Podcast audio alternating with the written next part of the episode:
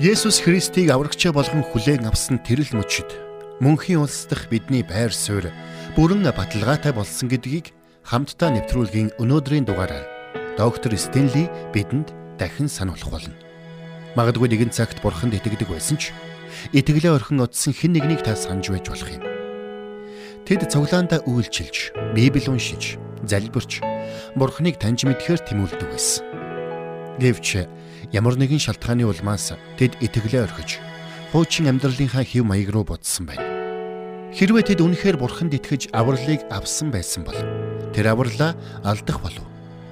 Бурханаас нүрээ буруулсныхын төлөө бурхан тэднээс авралаа буцааж авах болов. Энэ асуултуудтай холбоотойгоор доктор Стенли бидэнд Библийн чухал амлалтуудыг сануулах болно бидний зам байдал, үйл хөдлөл бидний дотор төрж буй мэдрэмжүүдээс үл шалтгаалаад мөнхийн улс дахь бидний байр суурь хөдөлшгүй бат гэдгийг тэдгээр амлалтууд бидэнд сануулах болно. Бурхнаас нүүр буруулж гим нэгүүлт амьдралын замыг сонгосон хүмүүс энэ сонголтынхон үр дагаврыг амсах нь гарцаагүй боловч тэдний үйлдэлсэн гим нэгүл тэдний мөнхийн авралыг үгүй хийж чадахгүй. Ингээд Бурханаас хүлээж авсан авралдаа бүрэн итгэлтэй байж болно гэдгийг бидэнд дахин сануулж өгөх доктор Стенлиг өгтөн авцгаая.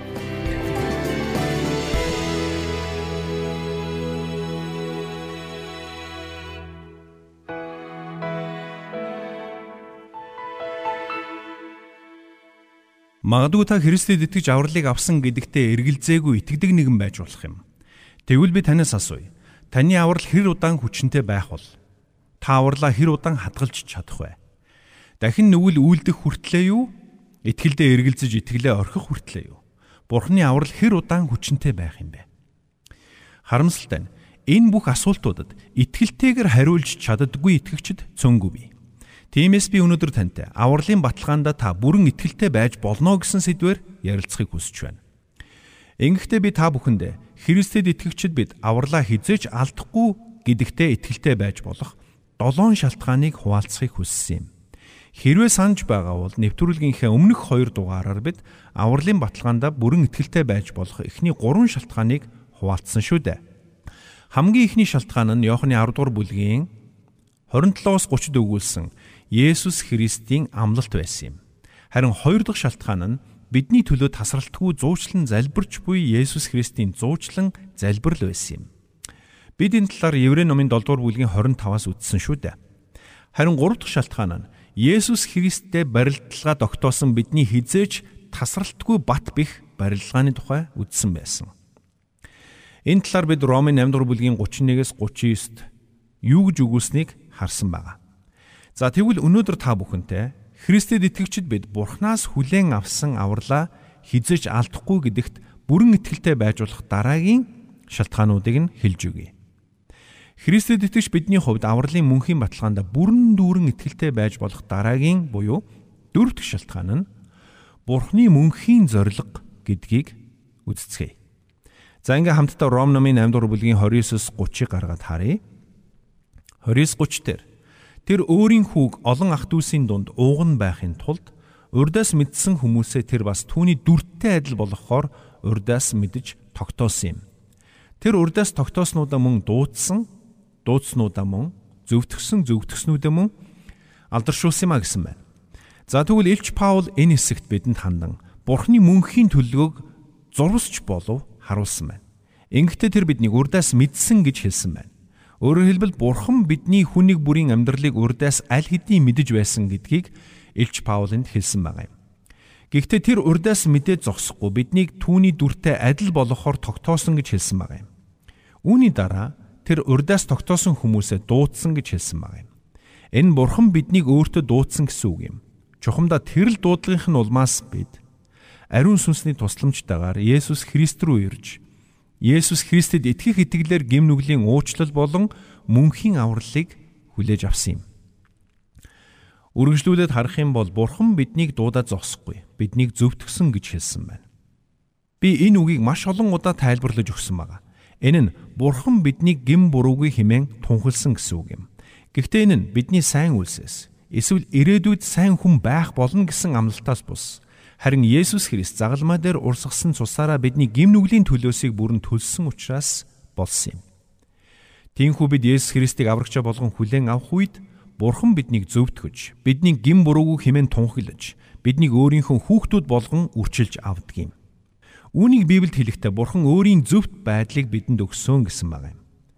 За ингээд цааш нь унших юм бол Бурхан биднийг зөвтгсөн төдийгүй мөн алдаршуулсан гэж хэлсэн. Алдаршуулах гэдэг нь Бурхан биднийг Христийн дүр төрхийн дагуу бүрэн шинчлэн бидэнд алдрын биеийг өгсөн гэсэн үг юм. Энэ нь бидний бие махбодоос гим нүглийн хүч бүрэн үгүй болж бид Бурханаас алдрын бэлгийг хүлээж авсан гэсэн үг юм. Гэхдээ энэ ишлэлд бичигдсэн үгсийг анхааралтай унших юм бол бүгд өнгөрсөн цаг дээр бичигдсэн байгааг та харах болно. Өөрөөр хэлбэл Бурханд итгэсэн хүмүүсийн хувьд энэ бүх нь аль хэдийн болж өнгөрсөн гэсэн үг юм. Энэ бол бидний хүн нэг бүрд хандсан Бурханы мөнхийн зориг. Үнэхээр Бурхан өөрт нь итгэгч хүн нэг бүрийг урдаас мэдсэн, урдаас тогтоосон, тэднийг дуудсан, зөвтгсөн бас алдаршуулсан гэсэн байна. Бурхан бидний амьдралыг харахтаа энэ бүхнийг нэгэн зэрэг харж байдаг юм. Бурхан бидэн шиг үйл явдлын дарааллыг нэг нэгээр нь хүлээдэггүй. Бурхан өнгөрсөн одоо ирээдүйг нэгэн зэрэг харж чадна. Тиймээс ч тэр биднийг аль хэдийн алдаршуулагдсан байдлаар хардаг юм. Яагаад? Яагаад гэвэл биднийг Есүс Христийг аврагчаа болгон хүлээн авсан тэр мөчөд Бурхан бидний мөнхийн хувь тавиланг бүр мөсөн шийдсэн юм. Тийм ч учраас Иохны 10:28-д эзэн Есүс би тэдэнд мөнх амийг өгнө. Тэд хизээч мөхөхгүй бөгөөд тэднийг хинч гараас минь булаахгүй гэж айлтсан юм. Булаахгүй байж магадгүй гэж хэлээгүү. Зармийг нь булаанаач гэж хэлээгүү. Харин хинч гараас минь булаахгүй гэж Есүс амласан юм. Яагаад тэр вэ? Яагаад гэвэл Бурхан бидний авралыг аль хэдийн бүрэн гүйцэлдүүлсэн. Есүс Христэд итгэсэн хүн нэг бүрийг Бурхан урдаас мэдсэн, урдаас тогтоосон, бас урдаас дуудсан юм. Тэднийг зөвтгсөн бас алдаршуулсан. Харин бидний хувьд бидэнд аль хэдийн өгөгчсөн тэр зүйлийг хүлээж байгаа төдий юм. Учир нь Бурхан биднийг урдаас мэдэж, урдаас тогтоож, урдаас төлөвлөсөн. Тиймээс Есүс Христэд итгэсэн хүн нэг бүрийг тэр зөвтгөж алдаршуулах болно. Энэ бол бид авралын мөнхийн баталгаанд бүрэн итгэлтэй байж болох нэгэн чухал шалтгаан юм. Бидний хинэнч Бурхны энэхүү мөнхийн зорилгоос өөрсдийгөө тусгаарлаж чадахгүй. Би боллоо гэж хэлсэн ч нэмэргүй. Учир нь бид яаж ч хичээсэн Бурхны мөнхийн зорилгыг хүчингү болгож чадахгүй. Библиэлд тийм үг нэг ширхэгч байхгүй. Нөгөө төгөр Бурхан биднийг урдаас мэдэж урдаас тогтоож биднийг дуудаж зөвтгөн алдаршуулахдаа бидний үг яриа үйл хөдлөл зам байдлаас шалтгааллах тухай нэг ч үг Библиэлд байхгүй шүү. Хэрвээ бид тодорхой нэг зам байдлыг сахих юм бол Бурхны энэ бүх төлөлгөө биелэл олох болно гэсэн утга санаа бүхий ишлэл Библиэлд огт байхгүй. Учир нь Бурхны энэхүү төгс зорилго нь бидний үйлсээс огт шалтгааллахгүй. Биднийг Есүс Христэд итгэсэн тэр мөчөд энэ бүхэн Бурхны оюун санаанд аль хэдийн биелэлээ олсон юм. Тэр бүхэн бидний үйлсээс үл шалтгаалаад аль хэдийн биелсэн юм. Тэгвэл энэ ойлголт дээр тулгуурлаад бид авралын мөнхийн баталгаанда бүрэн итгэлтэй байж болох тав дахь шалтгааныг хэлж өгмөр байна. Энэ бол та бидний авралтай холбоотойгоор Библиэд хэрэглэгдэж буй нэршлүүд юм. Бидний хувьд Есүс Христийн амлалт, түүний зуучлан залбирал, Бурхантай барилдсан бидний тасралтгүй барилдлага, бидэнд хандсан Бурханы төгс зорилгоос гадна бидний авралын талаар бичгтээ Библиэд хэрэглэгдсэн нэр томьёо ишлүүд нь бидэнд авралын мөнхийн баталгаанд бүрэн итгэлтэй байж болох өөр нэгэн шалтгаан болдг юм. Та гайхаж байгаах. Юуны түрүүнд Библиэд хэлэхдээ та биднийг дахин төрсөн гэж хэлсэн. Хамтдаа энэ үгийг ямар үг болохыг авч үзье. Дахин төрнөө гэдэг энэ нэр томьёо нь цоо шинээр амьдрна гэсэн үг юм. Йоханны 3 дугаар бүлгийн 3 дээр хэлэхдээ үннээр үннээр би та нарт хэлье. Хин дээрээс эс төрн тэр Бурхны хаанчлыг үзэж үл чадна гэж хэлсэн байдаг. Тэгвэл дахин төрөх гэдэг нэр томьёог бид хэрхэн ойлгох юм бэ? Учир нь энэ нэр томьёо нь Христэд итгэж Бурхны хүүхэд болсон хүмүүс тохиолдсон үйл явдлыг хамгийн оновчтойгоор тодорхойлсон нэр томьёонуудын нэг юм. Энэ нь бид Христэд итгэснээр цоо шин хүн болсон гэсэн үг юм. Хоёрдугаарт бид Есүс Христийн дотор цоо шин бүтээл болсон. Энэ талаар Илч Паул 2 дугаар Коринт номны 5 дугаар бүлгийн 17 дээр инх үгүүлсэн байна. Тиймээс хин нэг нь Христ дотор байвал тэрээр шин бүтээл муу юм. Харахтун хуучин өнгөрсөн шин болсон байна гэж хэлсэн байна. Өөрөөр хэлбэл бид Христэд итгэснээрээ дахин төрсөн бас цоо шин бүтээл болсон. Ингээд Ром номын 8 дугаар бүлгийн 16-аас 17 дээр Илч Паул юу гэж хэлснийг харцгаая. Биднийг Бурхны хүүхдүүд гэдгийг сүнс өөрөө бидний сүнстэй хамт гэрчилдэг юм. Хэрвээ бид хүүхдүүд нь юм бол өв залгамжлагчд нь бас мөн.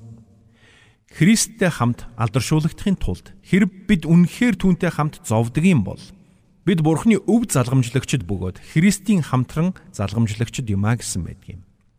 Бурхан бидэнд маш чухал зүйлийг өгсөн юм. Юу гэвэл Бурхан биднийг үрчилж авсан гэдгийг Библи бидэнд гэрчилж байна.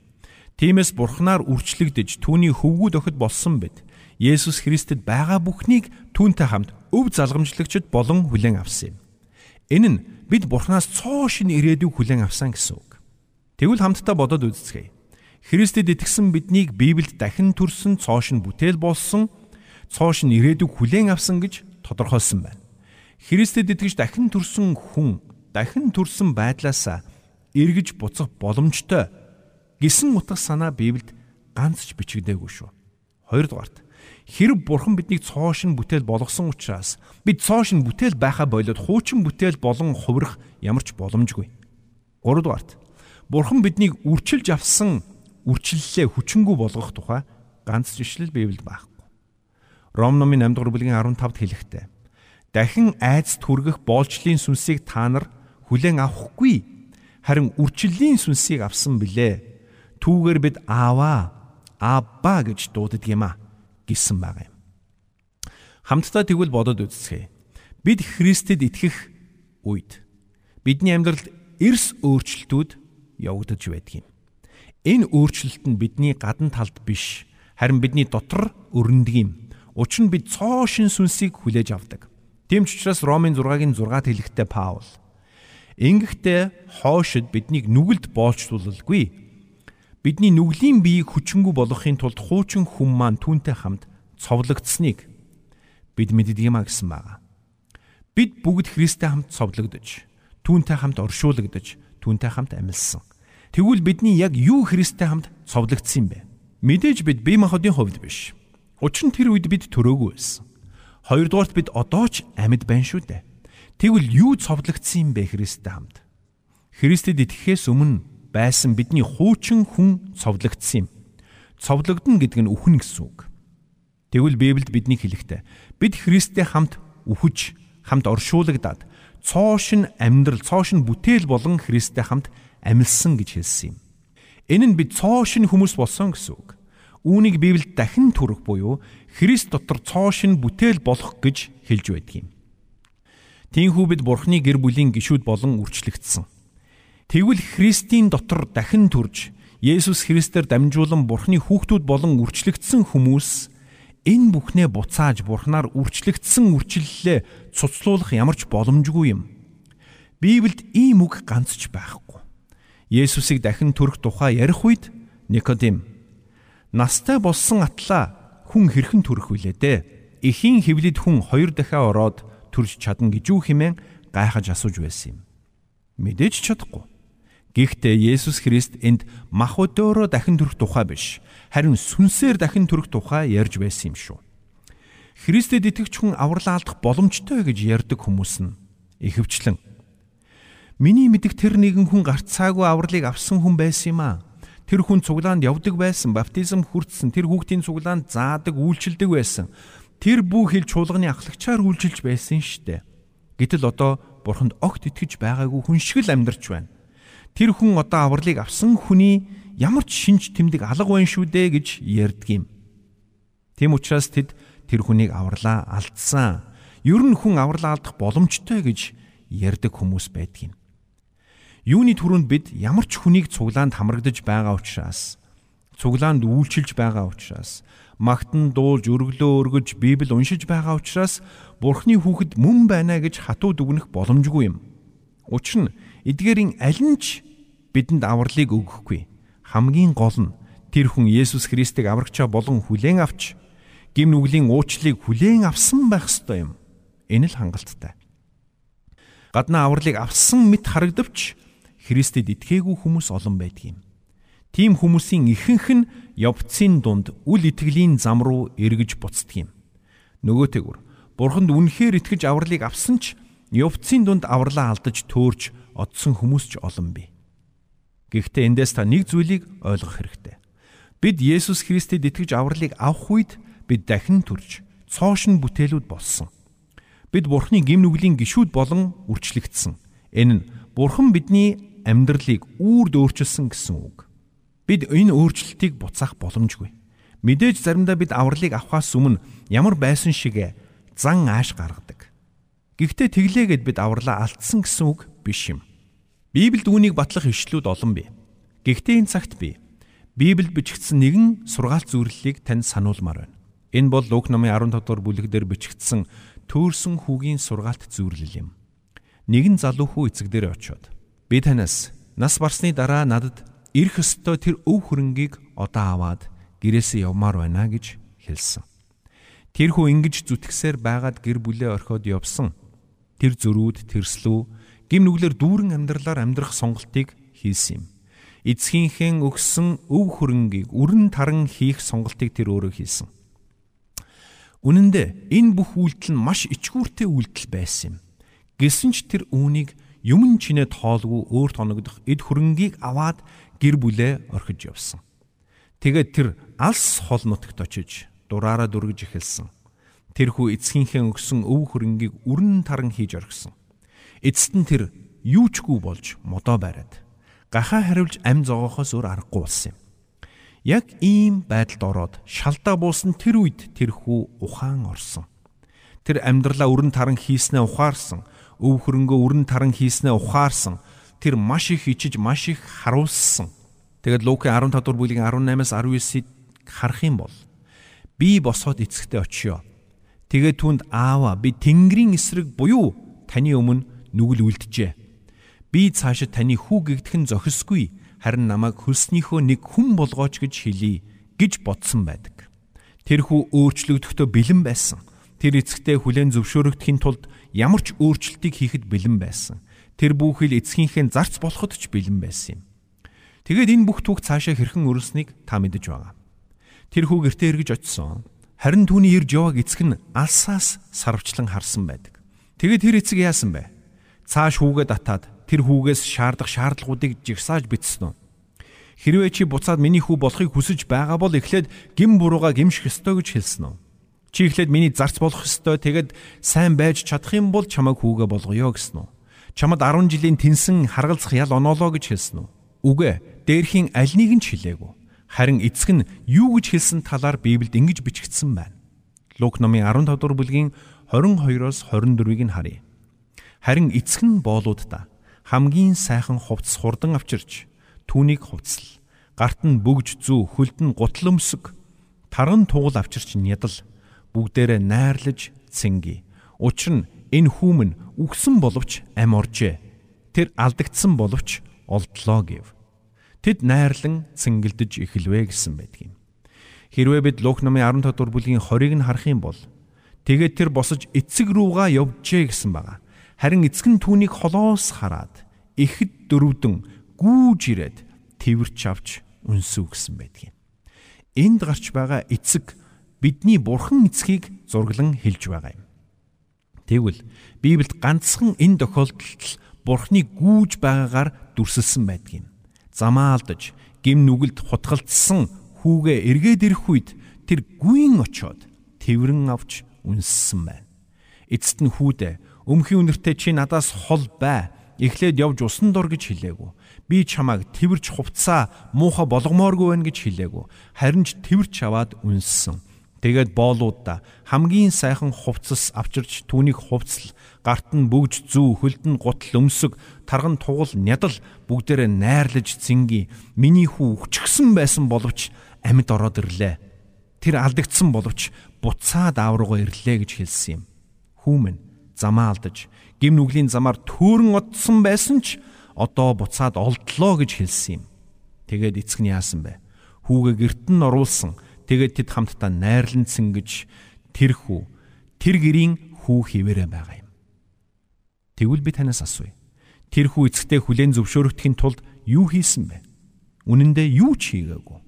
Үнэн дээр хүн тэр бүх хугацаанд яг хаана байсныг эцэг нь мэдэж байсан бол Аль эрт гүүж очоод буцаагаад аваад ирэх байсан.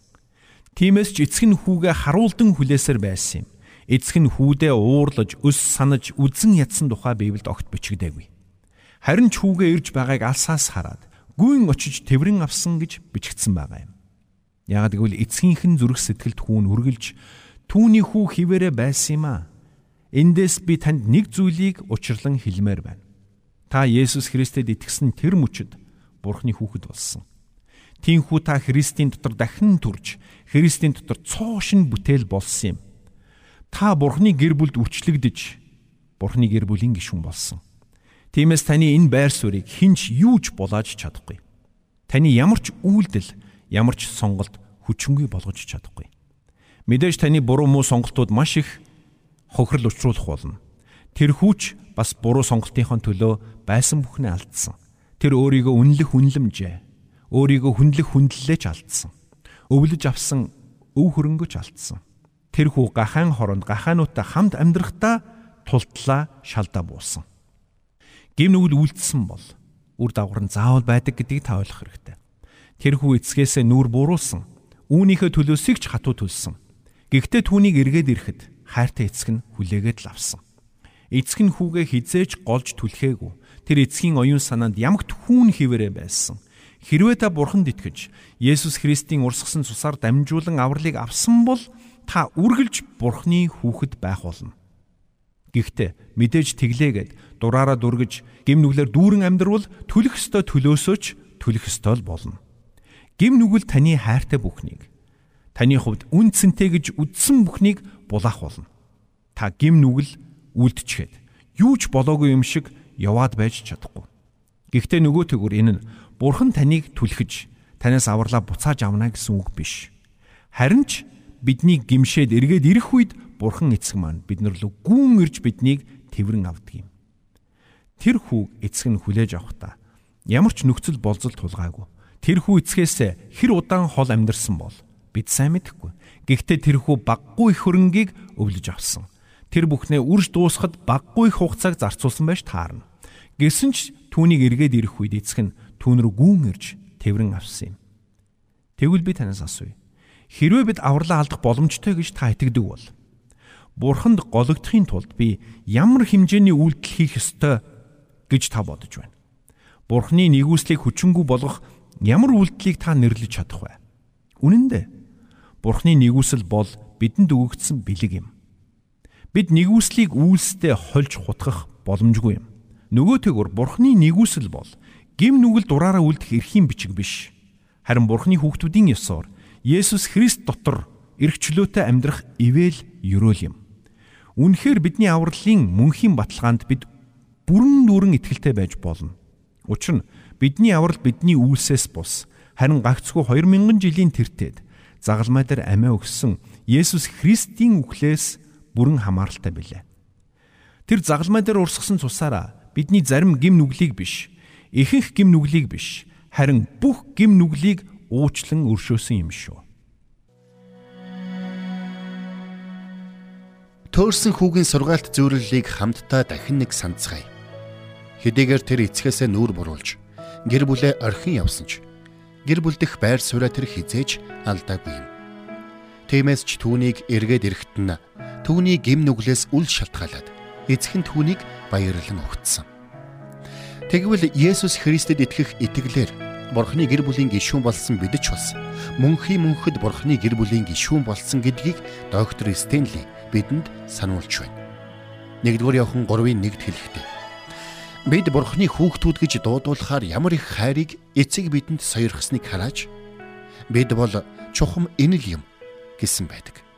Үнэхээр Есүс Христэд итгэгчид бид Бурхны ариун гэр бүлийн гишүүд болсон. Тэр биднийг өөрийн мөнхийн гэр бүлдээ үрчлэн авсан. Тиймээс ч 1-р Петр 1-ийн 3-аас 5-д Илч Петр ийхүү тунхагласан байдаг. Эзэн Есүс Христийн маань Бурхан ба эцэг магтагдах болтугай. Учир нь Бурхан өөрийн агуу өршөөлөөр үхэгсдээс амилсан Есүс Христийн амиллаар биднийг амьд найдвар өд мөхөшгүй, бузартаагүй, алга болчихгүй бөгөөд та нарын төлөө тэнгэрт хадгалагдсан өв өөд дахин төрүүлсэн.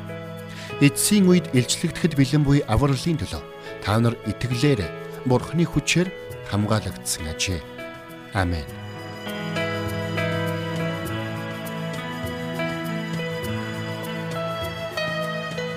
Бурханд тэмүүлсэн сэтгэл хүмүүсийг энэрх зөрхөөр амьдрахад туслах номлогч доктор Чарлз Стенлигийн хамттай нэвтрүүлэг сонсогч танд хүрлээ. Нэвтрүүлгийг дахин сонсохыг хүсвэл ихтгэл радиоцик.com-оор зочлоорой. Бидэнтэй холбогдохыг хүсвэл 8085 99 тэгтэг дугаард хандаарай.